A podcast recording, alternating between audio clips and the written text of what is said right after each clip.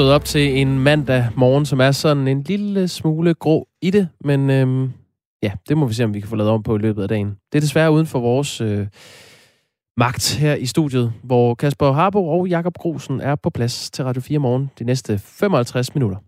Det, man kan gøre, er måske at lægge mærke til, hvis du er et af de steder, hvor der er faldet lidt regn, hvordan asfalten den giver en særlig duft fra sig, særligt i de her varme måneder på papiret varme måneder. Altså, øh, når det ikke har regnet i lang tid. Jeg lagde mærke til den i morges.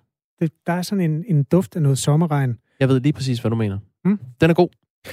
Den kan du tage med dig. Øh, hvis livet giver dig citroner, så kan du lave noget limonade af dem.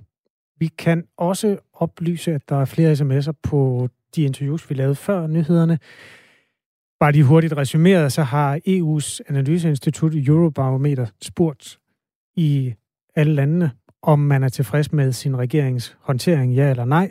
I Danmark topper vi den liste, som altså et, et stykke nede i den her undersøgelse, som en medarbejder på Kristi Dagblad har læst og skrevet en god artikel om. Øh, der står, at 79 procent af danskerne siger ja. Og der placerer vi os simpelthen højst på europæisk plan. Og det var derfor, vi talte med de to lyttere, hvor en var tilfreds, og en anden var utilfreds. Ja, Bjørn var 17 procent tilfreds. Han kunne ikke lige pege på, hvad han egentlig var tilfreds med, men han mente, det her det var en glidebane mod, at vi ikke længere kan have hverken alkohol eller sukker i vores samfund. Carsten derimod var stolt øh, socialdemokrat og mente ikke, at der var blevet begået nogen fejl, øh, fodfejl overhovedet. Han afventede dog øh, de nærmere undersøgelser af Mink-sagen. Der er nedsat en kommission. ja. øh, vi har fået sms fra Lars Landbo, der skriver, Godmorgen i skønne værter. Der snakkes så meget om mistet frihed og lovovertrædelser, men jeg har på intet tidspunkt hørt især dem fra Nye Borgerlige, hvad vi ellers skal gøre. Det er for mig at se kun et udtryk for at være bedrevidende. De skaber så meget splid i vores befolkning og har absolut ingen løsningsforslag, udover at lade stå til. Lad den falde, som ikke kan stå. Det er rent darwinisme. Undskyld Darwin. Nå, en anden skriver, ja, Bjørn kunne jo gå hen og miste sin sprut. Jamen, de er forbandede socialdemokrater. Hvad bilder sig dog ind? Her har vi da et praktisk eksemplar på, hvor galt det står til, når vi ikke har kvalificeret lærere i folkeskolen. Øh, bø, bø, bø, bø. Det var vist det i første omgang. Folk skriver ind på 1424, starter med R4 og et mellemrum. Og tak til alle dem, der gør det. Kan vi ikke øh, lige dvæle et øjeblik ved den dejlige historie, at øh, krisen er forbi? Jo, jo, det noterede jeg mig også. Og hvem er det så, der afgør, om krisen er der eller ikke er der? Ja, det er jo Jens Lundgren. En ja. øh, meget anerkendt professor, og øh, en meget brugt professor også i mediebilledet i forhold til ja, coronavirus. Ja, han var på Twitter øh, allerede i torsdags, hvor han skrev, jeg gik ind i det her ud fra en faglig vurdering om, at det var vigtigt med krisekommunikation, og jeg oplever ikke, at vi har en krise længere. Øhm, det er jo en ting, som vi kan gå ned i faktisk øh, lidt senere på morgenen. Der, og hvor er det dog en god nyhed, at der ikke er en krise længere. Egentlig kan man godt i, sin, sådan i et svagt øjeblik give ham ret.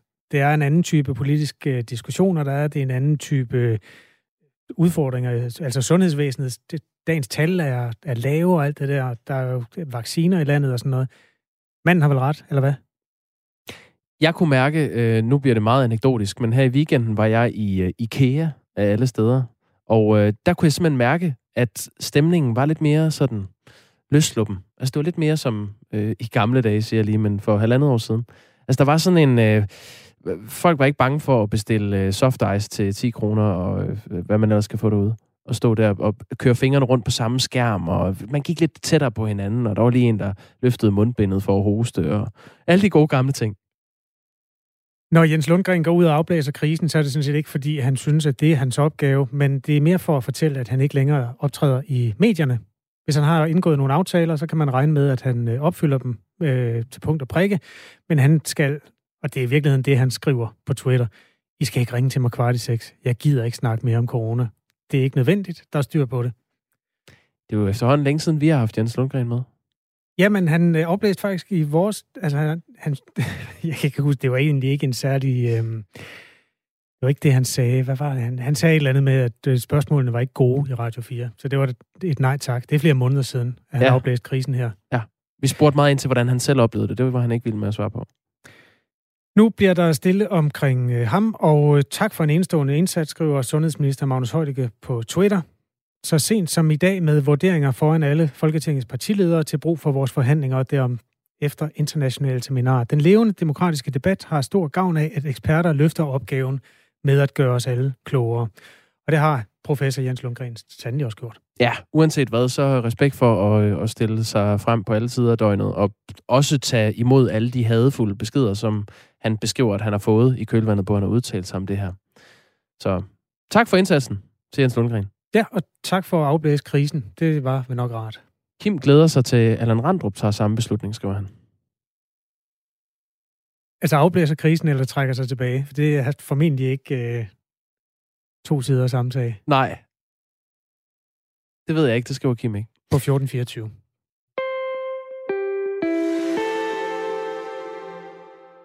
Vi har her til morgen i Radio 4 kigget nærmere på det, der hedder nyttejobs. Nyttejobs blev indført for syv år siden og er et i sin hensigt øh, meningen, at øh, arbejdsduelige mennesker, som går ledige og som ikke er i en eller anden form for uddannelse, skal ud og gøre gavn i det kommunale system et eller andet sted.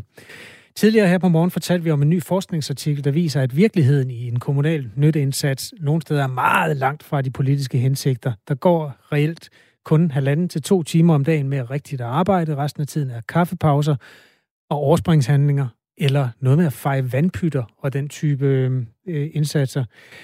Og det er, kan jo i den kontekst vække øh, nysgerrighed, at Venstre kommer med et nyt udspil, der skal sende 30.000 flere mennesker ud i nyttejobsystemet. Hans Andersen er beskæftigelsesordfører for Venstre. Godmorgen. Godmorgen. Vi har nogle, øh, eller en forsker, der retter sådan lidt kritik af den tid, som nyttejobs øh, bliver brugt, øh, eller den, hvordan man bruger tiden i det system. Og det kommer vi til at snakke med lige om lidt, men lad os lige starte med jeres forslag. Der er cirka 30.000 flygtninge og indvandrere med ikke-vestlig baggrund i kontanthjælpssystemet. Hvor mange af dem skal i nyttejobs, hvis det står til jer?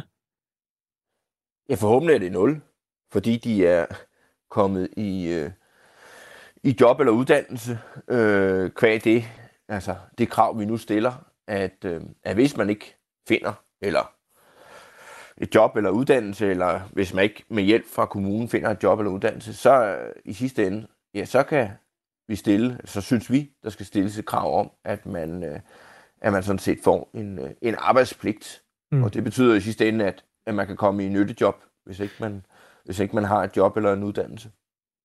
Det du siger er i virkeligheden, at det er truslen om nyttejob, der skal få folk til at finde sig et arbejde? Ja, vi, erfaringen er faktisk, at, at der er rigtig mange, der, er op, der vil vende, så populært sagt vende i døren. Altså det øjeblik, de bliver stillet over for, øh, at man skal lige melde sig på mandag i et, øh, i et nytte jobprojekt, så er der altså mange, der sådan set øh, finder et job eller, eller en uddannelse. Og det er jo sådan set... Hvor, hvor mange er det? Findes der undersøgelser af, hvor mange, der rent faktisk sagtens kunne finde sig et job, men bare ikke har givet at gøre det? Jeg har ikke de eksakte tal på mig, men, men, men det er det, jeg lytter mig til, der også foregår ude i kommunerne. Altså når de laver et, øh, en indsats over for jobparate kontanthjælpsmodtagere, så er der altså en del, som, øh, som, som ikke finder vej til nyttejobbet, fordi de så har fundet et, øh, et job eller en uddannelse. Og det er jo, altså, det er jo langt at foretrække. Øh, men, men realistisk set vil der jo også være nogen, som ikke, hvor det ikke lykkes, og hvor, øh, hvor så et, øh, et nyttejob så er, er det, man skal være en del af en periode, indtil man så finder et job eller kommer i uddannelse. Det kunne være et spændende felt at få undersøgt, det du beskriver der. Du siger, der er nogen i den ene gruppe. Altså, der er nogen, der rent faktisk ikke kan finde et job. Men har du, siger du simpelthen, at, at over halvdelen sagtens kunne finde et job, hvis de ville? Ja, jeg har ikke tallet, så jeg kan ikke sige, om det er, om det er over halvdelen. Men, men der er jo en del, som, som vender i døren, og så er der en, en, en, en restgruppe, som, okay. som hvor vi så siger, de, øh, de skal være omfattet af en, øh, af en arbejdspligt. Og det betyder altså, hvis ikke man selv finder et job eller en uddannelse, så skal man sådan set i et, øh, et nyttejob, som, som kommunen skal være, være behjælpelig med at, at stille til rådighed. Tidligere på morgen hørte vi fra Mathias Herup Nielsen, adjunkt i statskundskab ved Aalborg Universitet, som har fulgt en nytteindsats i en kommune gennem et år sammen med sin kollega. Resultatet af forskningen er, at der ikke var tilstrækkeligt med relevante arbejdsopgaver, der hvor folk blev sendt ud. I gennemsnit var der kun reelt arbejde halvanden til to timer om dagen. Um, og ifølge ham, Mathias Herup Nielsen, som vi talte med, er der lignende problemer i andre kommuner brugt mere tid på øh, at holde pause, og man venter, end man bruger tid på rent faktisk at lave noget, der nytter. Og det skyldes ikke dogenskab, eller at man ikke vil arbejde. Det skyldes, at der ikke er arbejdsopgaver nok. Fordi det er sådan, at når kommunerne laver de her nytteindsatser, så øh, må de ikke lave... Man, man, man må ikke sætte arbejdsløse til at udføre noget, som er i konkurrence med ordinære stillinger. Sagde Mathias Herup Nielsen, som blandt andet har fundet eksempler på, at folk er blevet sat til at feje vandpytter. Jeg ved ikke, om du kan huske det nedle sport at feje vandpytter. Hans Andersen. Jeg har godt læst artiklen, øhm, og det er jo helt grotesk den måde, det foregår på i en, i en stor øh, kommune i Danmark. Øh, der er i hvert fald øh, behov for, at der er lokale politikere, der får set deres nytteindsats igennem. Og, øh, Tror du, det er en enlig svale, at det kun sker i en kommune, det der? Jeg har sådan set generelt en opfattelse af, at, øh, at nyttejobbene derude øh, består i, at mennesker laver og udfører samfundsnyttige opgaver af mange forskellige slags. Mm. Øh, og at Men effektiviteten, det, det der halvanden til to timer om dagen, det, tror du, det er en enlig svale? Ja, det håber jeg bestemt, og jeg har heller ikke hørt, altså jeg har ikke hørt om, om eksempler på, øh, på så groteske forhold, som, som der her er omtalt. Og jeg tror heller ikke, jeg, jeg, lytte, jeg har ikke læst mig til, at forskeren siger, at det er, er generelt. Nej, det bliver heller ikke sagt. Øhm, men han siger, at, at, han vurderer, at der er lignende problemer i andre kommuner. Så, så langt er vi med det, men det kan jo være, at man skal undersøge det bredere. Arbejdsmarkedsforsker ved Roskilde Universitet, Ben Greve, mener ikke, at det er muligt at finde særlig mange nyttejobs. Ja, det er jo en vanskelig opgave. Udfordringen er at finde nogle job, som ikke er i konkurrence med almindelige job på arbejdsmarkedet, fordi så ville der jo ske det, at godt nok komme nogen ud i et nyttejob, men så vil man gøre andre arbejdsløse på samme tidspunkt. Så derfor er et nyttejob i virkeligheden også defineret sådan, at det skal være noget, som ikke må betyde, at man skal fylde andre eller overtage opgaver for nogen, øh, som har et helt almindeligt øh, ordinært arbejde på arbejdsmarkedet. Vil det give mening at øh, få endnu flere i en nyttejobordning? Er der plads til det? Det vil jeg tvivle meget på, at der er plads til, fordi det har været svært nok i forvejen, og det er som sagt en, en vanskelig opgave at få løftet det sådan, fordi det skal som sagt ikke være noget, der konkurrerer med, med noget andet. Og det skal også være noget, der på den anden side giver noget mening at få folk til at stå op til om morgenen, sådan så de kan se en værdi i at være på det pågældende sted. Ja, det sagde altså Bent Greve, som er... Øhm Ja, nu tager jeg lige tråden. Ben Greve er arbejdsmarkedsforsker ved Roskilde Universitet, og så har vi altså dig med, Hans Andersen, beskæftigelsesordfører for Venstre, som øh, peger den her øh, truende nyttejobsfinger mod 30.000. Øhm, og hvis vi nu siger, at halvdelen af dem havner i et nyttejob, 15.000 mennesker mere. Øhm, ben Greve siger, at der ikke er plads til dem, der er ikke noget at lave til dem. Hvordan vil du løse det? Altså, fra tredje kvartal 19 til andet kvartal 2020, der var faktisk øh, 9.500 mennesker i, øh, i, øh, i nyttejob. Øh, så der er opgaver derude. Øh, jeg er helt med så på... Så læg 15.000 oveni?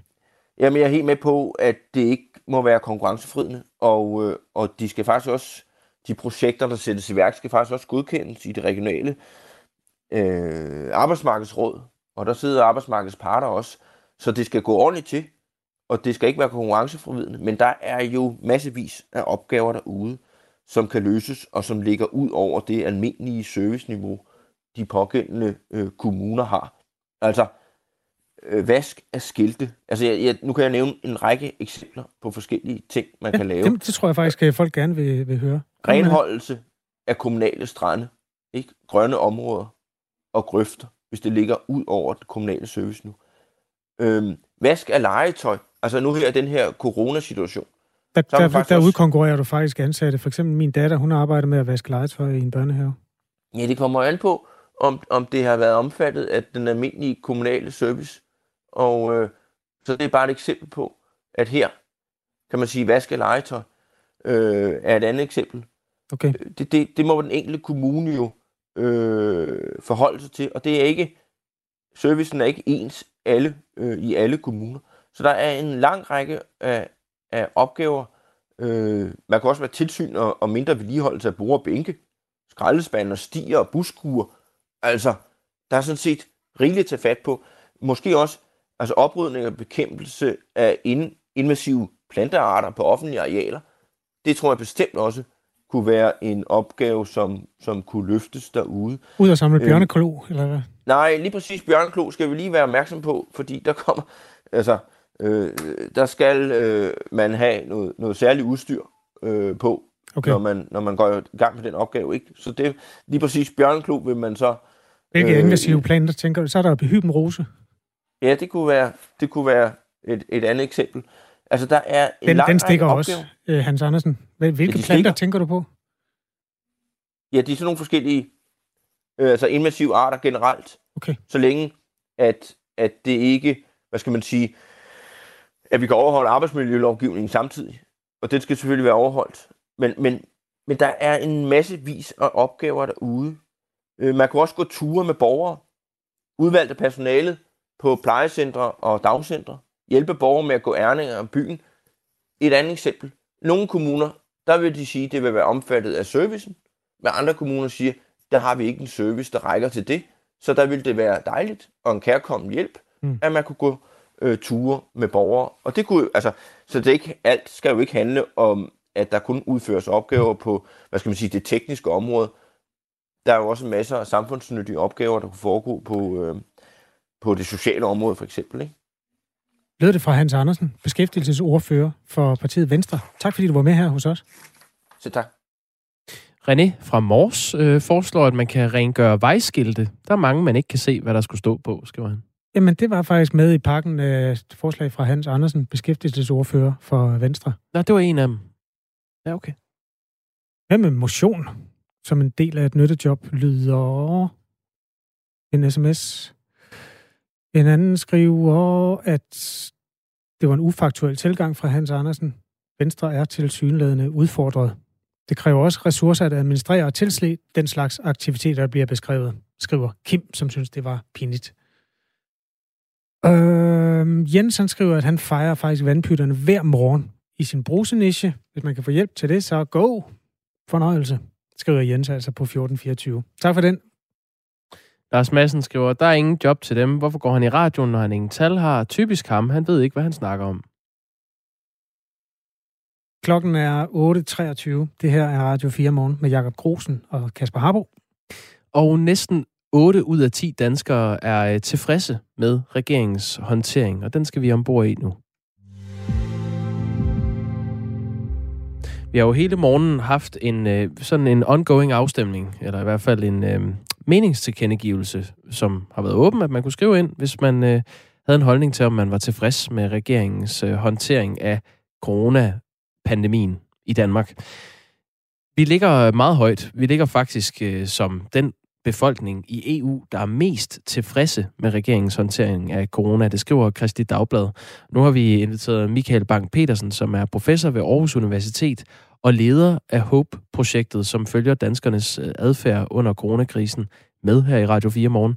Godmorgen, Michael Bang-Petersen. Godmorgen. Godmorgen. Hvad er det, der gør, at danskerne er de mest tilfredse i hele EU? Jamen, det er jo noget, vi har gravet ned i, i, i vores øh, forskning, og man kan sige, der er øh, to, to faktorer. Det ene er, at vi danskere, vi har en enorm høj tillid øh, til hinanden, og det hjælper faktisk også øh, på vores øh, opbakning til corona-håndtering, fordi når vi har tillid til hinanden, og vi har tillid til myndighederne, jamen så øh, tror vi, at vi alle sammen, så at sige, er med til at løfte i flok. Og derudover, så det, der i høj grad skiller danskerne ud, det er, at vi har en meget stor oplevelse af, at vi ved, hvad det er, der egentlig er foregået. Vi ved, hvad det er, myndighederne har øh, bedt os om, og hvorfor. Og det ser også ud som om, at det har en stor effekt på, på håndtering. Så det her med, at vi selv har vidst, hvad vi skulle gøre, og det vi har haft tillid til, at andre herunder myndighederne, at de også, øh, så at sige, har løftet med. Det har øh, øh, ligesom gået sammen og skabt den her store opbakning min oplevelse er, at den tilfredshed er gået øh, den forkerte vej den seneste periode. Altså, jeg synes ofte, hvor end jeg vender blikket hen, om det er i medierne eller om på sociale medier, at jeg øh, støder på øh, folk, der, der brokker sig over nogle af de restriktioner, der er, eller regler, der ikke umiddelbart giver nogen mening, og manglende transparens fra regeringen osv. Øh, er det gået den, den forkerte vej, eller øh, hvordan har I øh, sådan kunne dokumentere den opbakning, der er?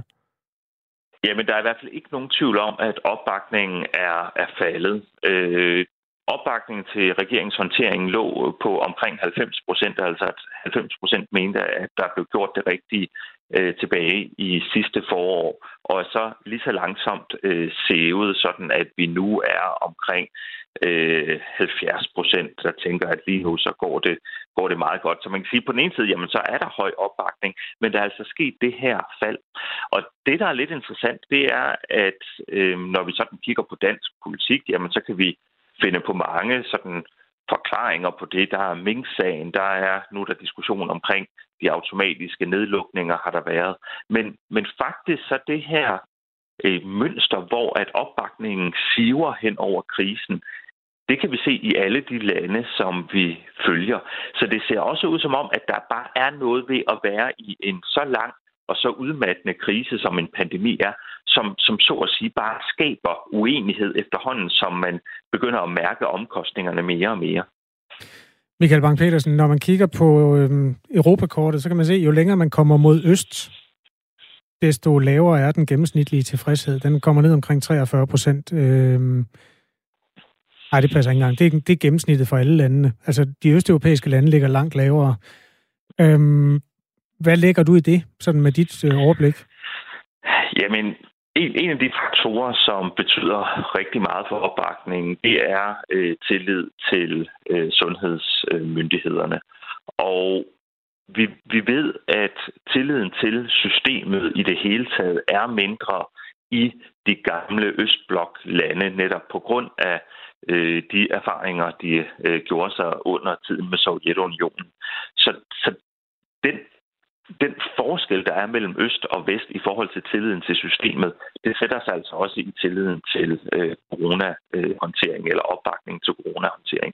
For det er jo i høj grad en, en krise, hvor man, man lægger sit liv i, øh, i myndighedernes hænder og tror på, at det, de gør, er det rigtige. Og det er man altså lidt mindre tilbøjelig til øh, i de gamle østlande. Der er en her, der skriver på sms'en, øh, hvis I leder efter røde bolde, finder man jo ikke gule. Det er en, øh, en lytter, der tidligere har skrevet ind, at han er 5% øh, tilfreds med regeringens håndtering af coronapandemien. Øhm, Michael Bang-Petersen, er det, er det bare fordi de, de utilfredse stemmer fylder mest, når man sådan øh, læser medier, sociale medier?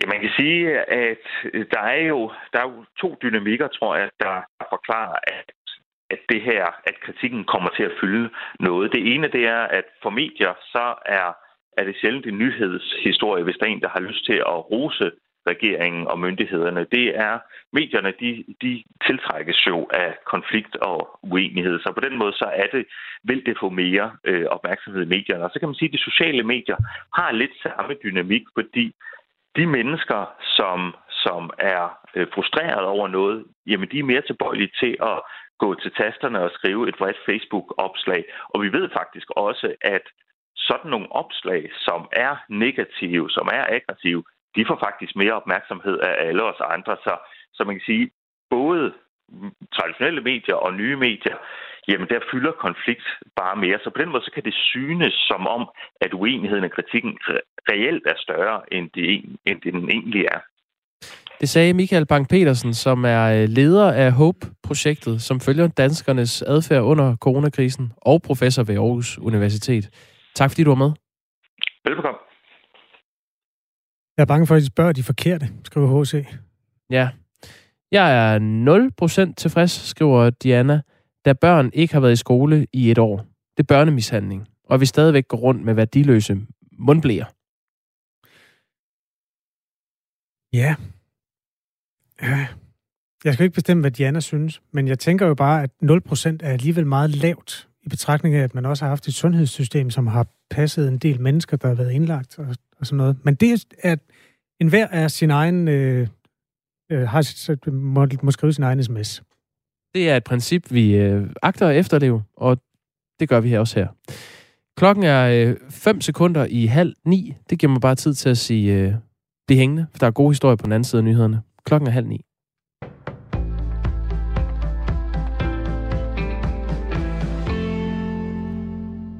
Danmark sender 53 respiratorer til Indien, hvor de skal bruges til at behandle coronapatienter. Med respiratorerne følger også 7,4 millioner kroner til Indisk Røde Kors, oplyser Udenrigsministeriet. Pengene skal blandt andet gå til informations- og kampagnearbejde, til ambulanceservice og til indkøb af beskyttelsesudstyr.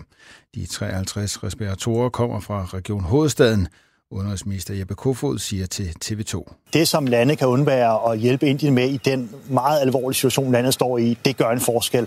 Altså, de er ekstremt hårdt ramt, har jo daglige smittetal, øh, som slår rekorder øh, i den her pandemi. Intet andet land har været Øh, så hårdt ramt som Indien øh, alle i øjeblikket. Deres sundhedsvæsen øh, står på randen af sammenbrud, og i en, en række byer kan vi se, at, at, øh, at desperationen øh, er der. Der kan, der kan 53 øh, respiratorer fra Danmark øh, også gøre en forskel på linje med mange andre lande, som også øh, sender hjælp afsted til Indien. Hvis mor og far får hjælp til at løse sociale problemer og kommer i uddannelse eller job, får børnene det i nogle tilfælde så meget bedre, at en anbringelse uden for hjemmet kan undgås. Det er erfaringen fra Assens Kommune, der hjælper udsatte familier i en såkaldt helhedsorienteret indsats, hvor sagsbehandlere samarbejder om at løse beskæftigelses- og familieproblemer, det skriver Kristeligt Dagblad. I Assens Kommune indgik 50 familier med i alt 72 voksne og 89 børn og unge i projektet Job og Familie, der sluttede sidste efterår. I løbet af tre år kom over halvdelen i job eller tættere på arbejdsmarkedet, og 4 ud af 10 fik bedre trivsel. Forældrenes overskud smittede af på børnene. Knap hver anden børnesag blev lukket, og andelen af børn med ingen eller kun lette problemer steg fra 35 til 70 procent blandt de børn, hvis forældre kom i uddannelse eller job. Offentligt ansatte bør skrives ind i regeringens planer for genåbningen af Danmark, sådan lyder opfordringen fra fagforeningen Djøf i et åbent brev til regeringsministre. Formand for offentlige chefer i Djøf, Hanne Fugl Eskjær, sidder med en følelse af, at de offentligt ansatte bliver glemt. Lige nu øh, har vi haft en fornemmelse af, at, at, øh, at vi var ved at blive glemt, og vi ikke rigtig kunne se os selv i nogle af faserne i genåbningsplanen. Og derfor kom vi med, med, med det her opråb om, Øh, glem os ikke, at det begynder at gøre ondt, at øh, folk sidder derhjemme og med en uvidshed om, hvornår de kan komme tilbage. Djøf henviser til regeringens rammeaftale med Folketingets partier, hvor i genåbningen er delt op i fire faser. Der fremgår ikke nogen konkrete genåbningsplaner for lempelsen af anbefaling om hjemmearbejde i planen. Det gælder både for offentlige og private arbejdspladser. Det er næppe nogen let opgave, som de europæiske regeringer står med for tiden, mens coronatrætheden breder sig blandt deres borgere, må de løbende tage stilling til forsinkede eller potentielt farlige vacciner, til hvad der må åbne, hvornår og til hvordan der lokalt skal lukkes ned, når smittetallet stiger i deres land. Men i Danmark kan regeringen trods alt trøste sig med, at størstedelen af danskerne fortsat er tilfredse med dens håndtering af coronakrisen. Faktisk finder man ikke en mere tilfreds befolkning noget andet sted i EU, det skriver Kristi Dagblad. Det viser en ny undersøgelse fra Eurobarometer, hvor EU-landenes borgere blandt andet er blevet spurgt, hvor tilfredse de generelt er med de foranstaltninger, deres regering har truffet for at bekæmpe coronapandemien. Her ligger Danmark i top med 79 procent, der er tilfredse, og herefter kommer Luxembourg og Holland med en tilfredshed på henholdsvis 73 og 71 procent. I bunden ligger flere østeuropæiske lande, og samler man svarene fra alle lande, er den gennemsnitlige tilfredshed på 43 procent. Først mest skyde med byer, men det klarer op vestfra med let eller måske nogen sol og kun enkelte byer. Temperaturer op mellem 7 og 10 grader. Det var nyhederne på Radio 4 med Thomas Sand. Der er en halv time tilbage af Radio 4 morgen, og den starter nu.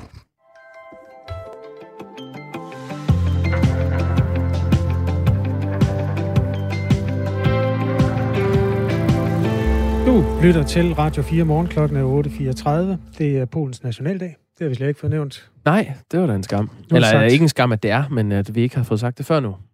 Landets første forfatning blev skrevet i 1791, så det er 100, 230 år. Tillykke til alle polakker. Øhm, vi skal vende os mod noget, der er væsentligt mere dansk, nemlig nyttejobordningen. Ja, hvad er et nyttejob, Kasper Harbo? Det kan være, at du går ud i en park Øhm, nej, det starter selvfølgelig med, at man ikke er i beskæftigelse, men i virkeligheden er duelig til beskæftigelse. Derfor øh, indgår man øh, i en kommunal pulje af medarbejdere, som for eksempel i en park skal gøre nytte. Det, der er problemet med den type kommunalt styret jobs, er, at man ikke må konkurrere med overenskomstansatte. Så man kan ikke køre rundt i en lille bil og samle skraldeposer ind, for eksempel. Det bliver gjort af overenskomstansat øh, personale. Det samme gælder i virkeligheden en del andre kommunale funktioner, og derfor havner de nyttejobs ansatte nogle gange i noget, der bedst kan beskrives som tidsfordriv. Det mest grælde eksempel, vi har hørt fra en forsker, der har undersøgt sagen, er, at nogen er blevet sat til at feje vandpytter. Altså at feje vandet i en vandpyt fra A til B. Øhm, og det er jo så en konklusion, som er, at nyttejobordningen ikke fungerer optimalt. Det har vi set nærmere på hele morgenen. Ja, det bunder jo i den her forskningsartikel, som netop er offentliggjort i tidsskriftet Journal of Social Policy. Øh, og den viser, at virkeligheden i en kommunal nytteindsats er meget langt fra de hensigter og ambitioner, der var med ordningen.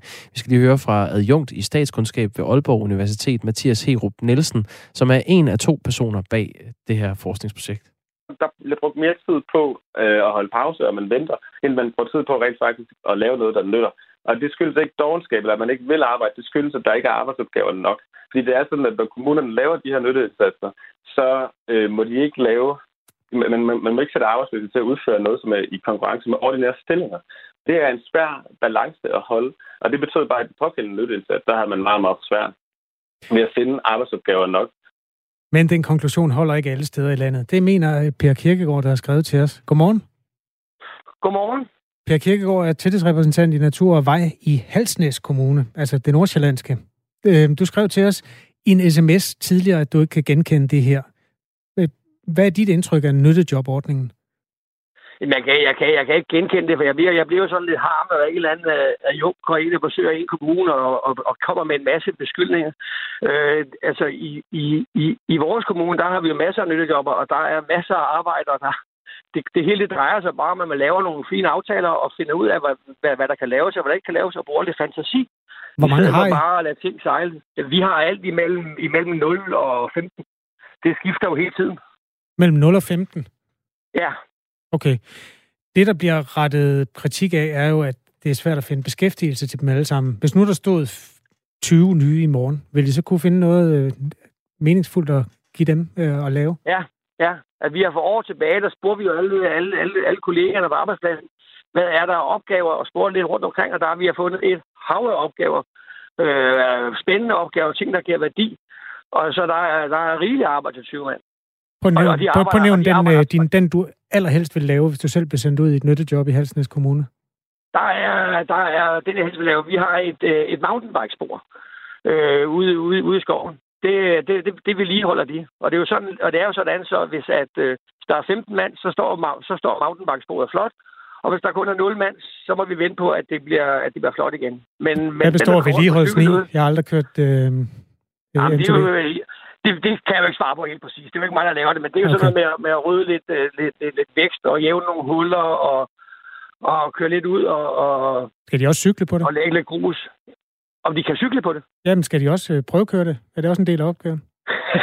Nej, det er det ikke. Okay, det, det, det, godt være. Det, findes, det findes der 100, 100 cyklister, der gør hver dag. okay, fedt. Øhm, har du aldrig hørt om noget kritik, øh, altså hvor mennesker i din kommune eller nærliggende kommuner har følt sig anbragt i noget, der mest kunne beskrives som tidsfordriv? Øh, nej, tværtimod. Altså, det, dem vi har, de det jeg hører fra dem, det er, at de er skide glade for at være der, og de er kede af at skal stoppe og de, og de vil gerne tilbage. Altså, det er jo, det er jo vigtigt at finde noget, som, øh, som, som giver mening, og man kan, og man kan se, at det giver, at det giver en masse værdi. Altså, altså tid, tid, tidsfordrivet, det, det, det, det laver jeg jo. Altså, hvis der er nogen, der skal tømme en, en vandpil for vand og fejre, fejre den over en kloak, så er det jo mig, der gør det, for det er ordinært arbejde. Men, mm, det, det er altså ikke... Det, det var jeg ikke klar over. Altså, du mener, der er overenskomst ansatte, der går rundt og fejrer vandpytter? Hvis, hvis, der er, hvis der er en, en, en rest, der ikke trækker, så må man prøve at fejre vandet væk, så man kan komme ned i resten og få den renset. Altså, det, er, det er jo bare en ganske almindelig arbejdsopgave. Det kan også være, at nogen har misforstået det. Okay, ja. Altså, det, ja, det ved jeg ikke, om det er dem eller dig, der Nej, misforstår det. Men... Altså, Mathias Seup Nielsen, som du uh, lidt nedladende før kaldt uh, adjunkt, han skal ikke komme her og fortælle dig, hvordan, uh, hvordan tingene hænger sammen. Han har jo forsket i det her, og han sagde, dokum- sagde kan dokumentere... Sagde, sagde, sagde det så groft? Nej, det sagde du ja. ikke. Men det, det var vist det, Nå. du mente, var det ikke det? Jo, men det sagde jeg ikke. Nej.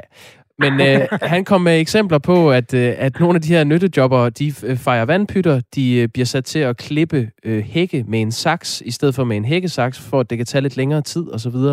Altså, anerkender du, at det findes i nogle kommuner? Det vil jeg, det vil jeg det er garanteret, sikkert. Men, men, men så er de jo også fejlet. Det, det, det, Bjarne Holm er fra Hillerød. Hvor langt er der ind til Hillerød fra Hundested? Kanten der? 20 km. 20-25 km. Bjarne Holm, han er fra Hillerød. Han skriver, øh, vi kørte hver morgen 14-18 voksne mennesker ud med en minibus for at fodre får. En opgave, der kan udføres af en enkelt person på mindre end en time. Det er ikke, fordi du behøver at forholde dig til, hvad man gør i de nærliggende kommuner, Per Kirkegaard, men det var et vidensbyrd uden for virkeligheden om, at der er, kan rettes kritik mod nogle dele af nyttejobsordningen. Ja, hvis man vil gerne kommentere på det. Ja, ja, selvfølgelig. Der er ikke nogen, der er ikke nogen i vores øh, kommune, der kommer til at fodre for. Altså hele ideen med nytteindsatsen, det er jo, at den er vellykket den dag, der ikke er nogen. Og så skal nogle andre fodre, de får det. Altså, det er jo, det, det, det kommer de ikke til at gøre øh, her. Og der kommer ikke til at køre det er jo klart, det er jo klart de, der, hvis der er fem mand, de, hos os har de tre biler, så kan det godt være, der kører fem mand ud og skal ordne en opgave. Men, men det er jo fordi, at vi skal være mellem 0 og 15. Men, men, men sådan noget som at fodre for at, at lave ting, der skal laves, det, kom, det kommer de jo ikke til. Vi ved ikke, om der er 0 eller 15. Altså. Okay. Forslaget fra Venstre er jo i hvert fald, at man skal rette den her øh, nyttejobordning mod øh, nogle af de ja, særlige indvandrere og fra ikke-vestlige lande, som ikke er i beskæftigelse og ikke er i uddannelse. Synes du, det er en god idé? Det vil jeg, det vil jeg faktisk tro, det er. Det vil på nationalplan kunne give cirka 30.000, eller det er i hvert fald den kritiske masse. Det kan måske give 15.000 nye mennesker i, i, i nyttejob. Ja, men, men, men nu, sagde, nu sagde han også, at der var mellem 1.000 og, og 1.500, var det, mener han sagde, der var kontanthjælpsmodtagere, der var ude i nyttejob. Og der er jo mange, mange flere kontanthjælper, så det, må det, ikke, det er jo nok ikke alle 30.000, der kommer ud. Men hvis de gør det, så skal der bare en masse fantasi til jo. Altså, det er jo bare at spørge, spørge foreninger, spørge ældre, ældre råd, spørge alle verden, hvad, hvad, hvad kan give mening ud af til arbejde, og så lad os kigge på det.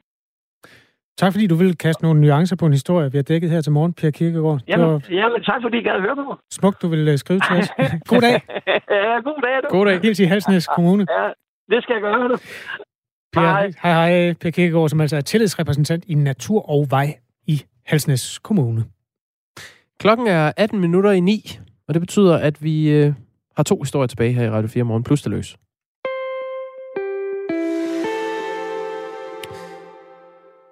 Professor på Rigshospitalet og medlem af, reg- af regeringens ekspertgruppe Jens Lundgren, som har været en øh, central aktør under coronakrisens øh, offentlige debat, trækker sig nu øh, fra den her rolle som folkeoplyser. Det har han meddelt på Twitter.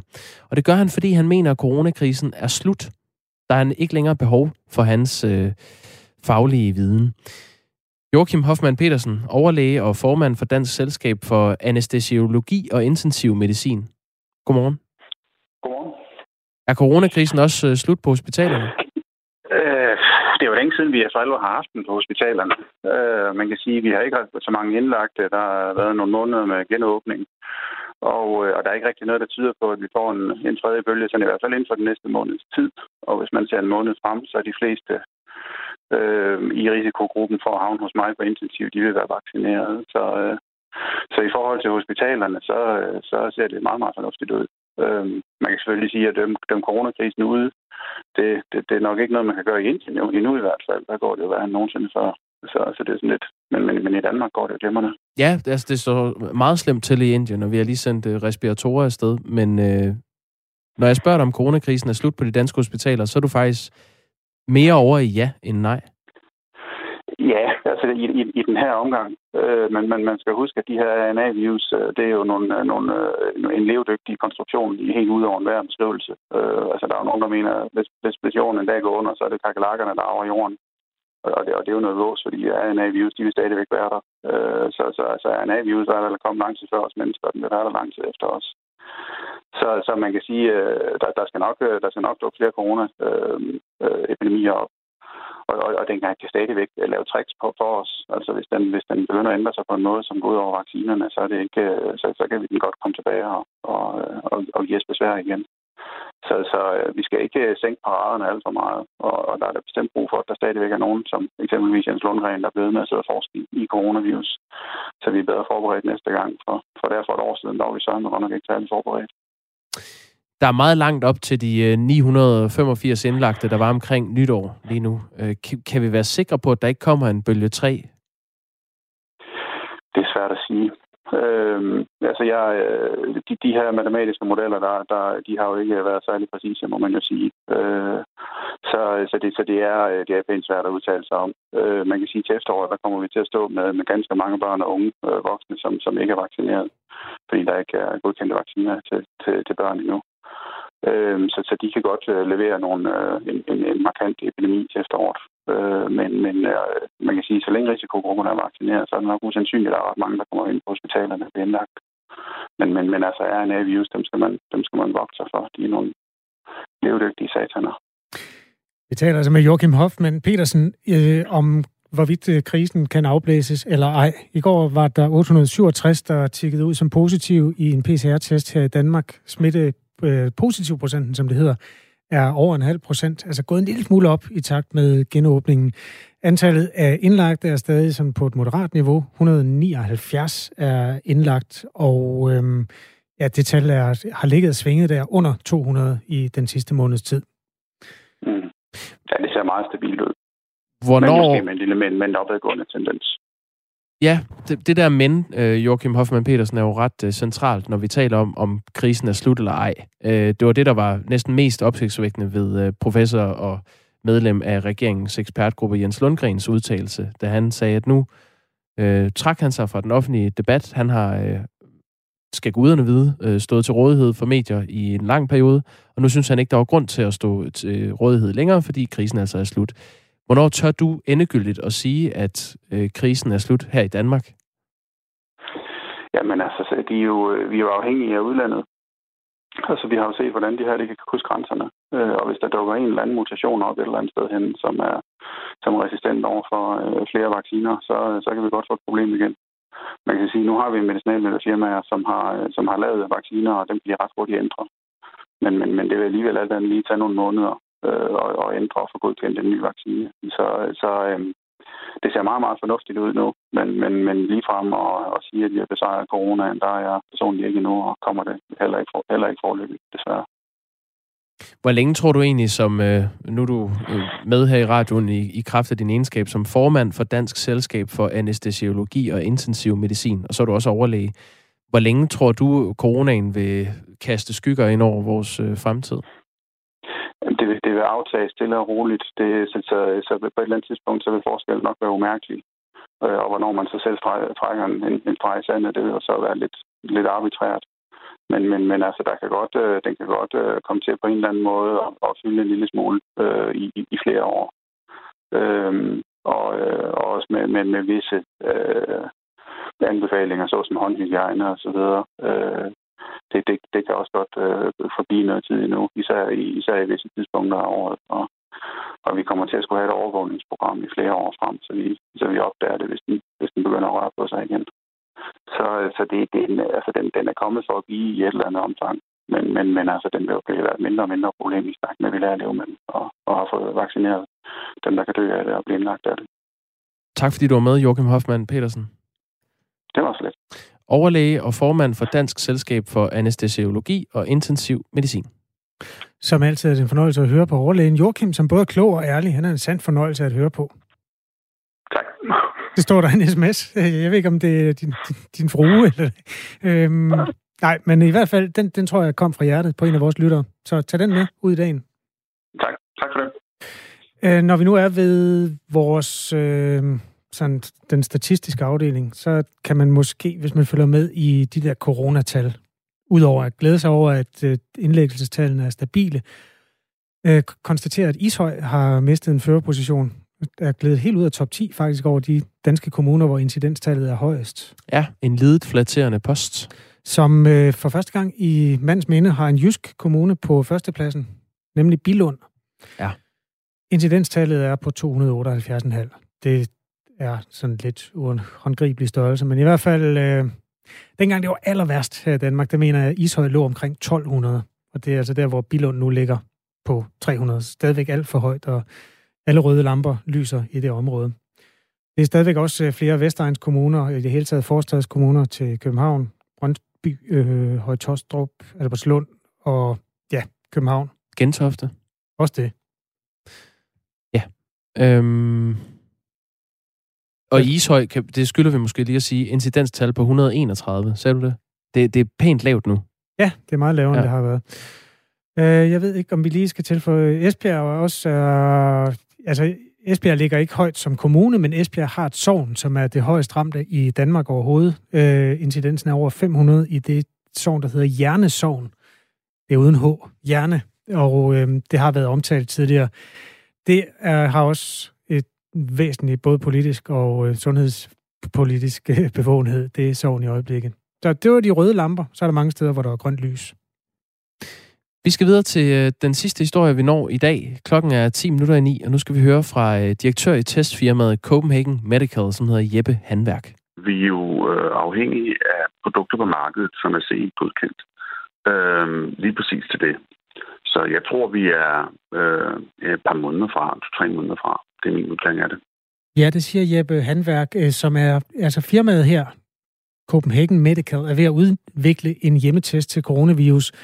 Men hvis vi her i landet skal teste os selv for coronavirus, så er der en lang række krav til testene, som først skal opfyldes. Det er nemlig vigtigt, at man laver testen rigtigt, så man ikke går rundt og tror, man er rask og går ud og smitter en masse mennesker. Det helt store stempel er den såkaldte CE-mærkning, som alt medicinsk udstyr skal have, før det kan sælges og bruges i Danmark. Lene Laversen er vicedirektør i Medico-industrien, der er brancheorganisation for virksomheder, som udvikler og producerer den slags. Godmorgen. Godmorgen.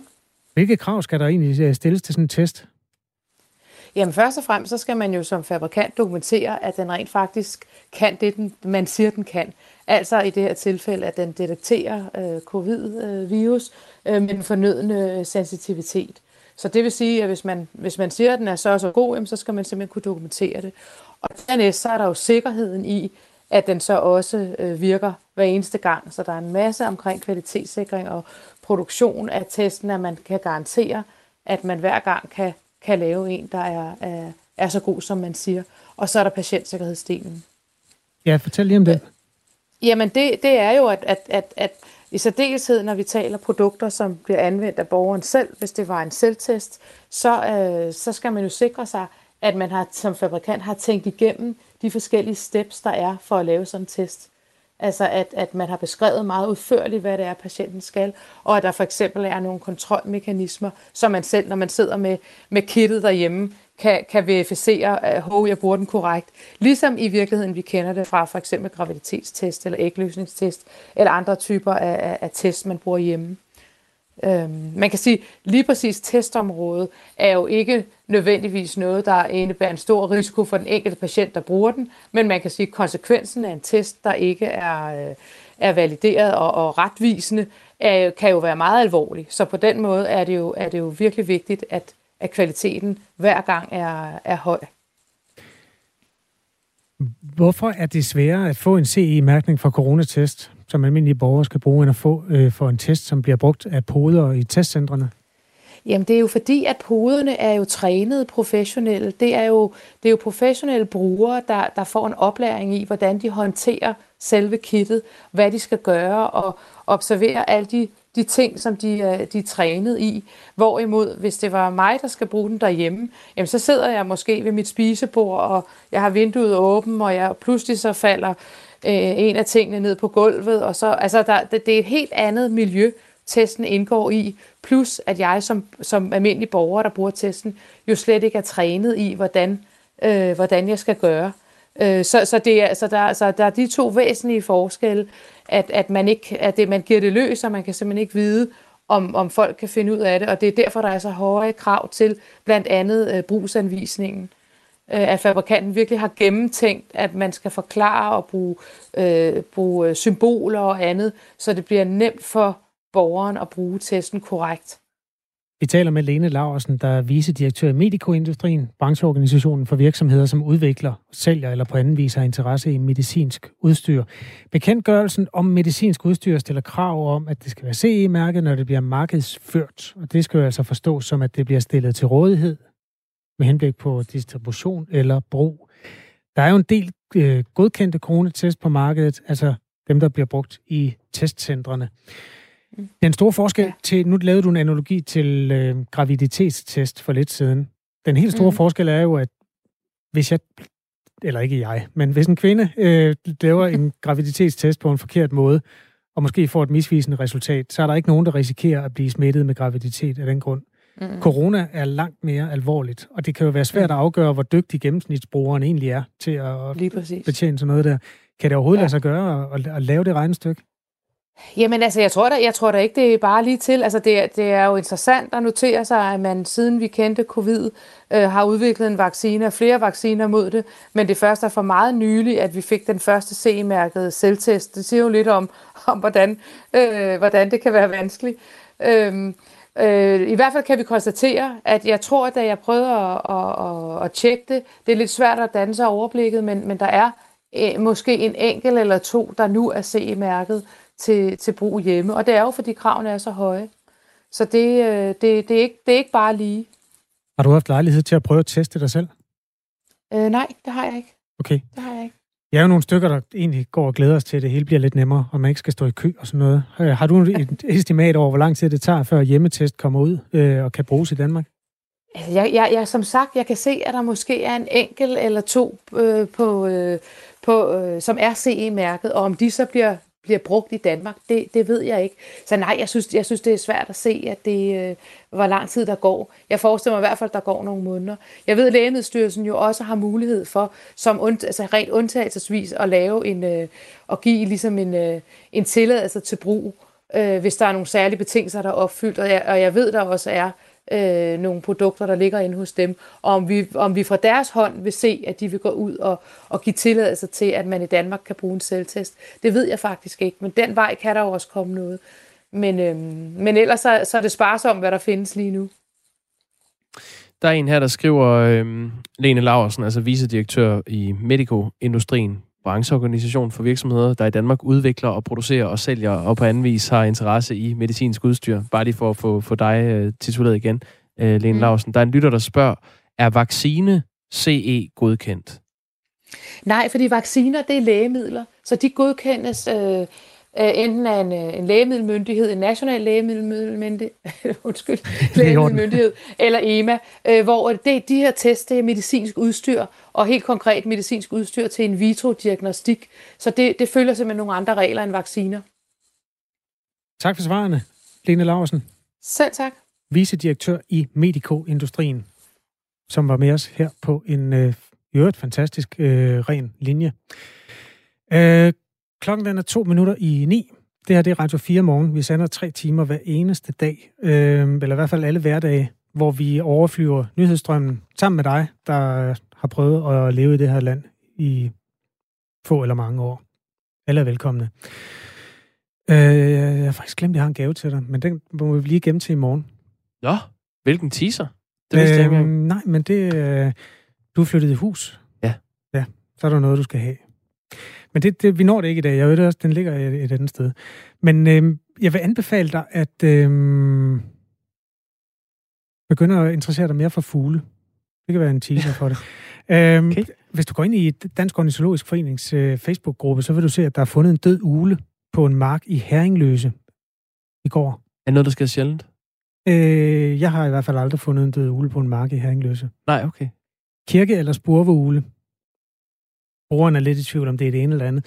Og så spørger man jo inde i gruppen, er det det ene eller det andet? Åh, oh, allerede nu, før du går videre. Øh, du har været inde i det her før. Nogen spørger, er det her en et eller andet? Og så bliver man simpelthen udskammet af fugle øh, Og det er det, jeg vil sige. Stemningen er blevet bedre derinde. Der er Nå. ikke så mange øh, slagsmål, som der har været.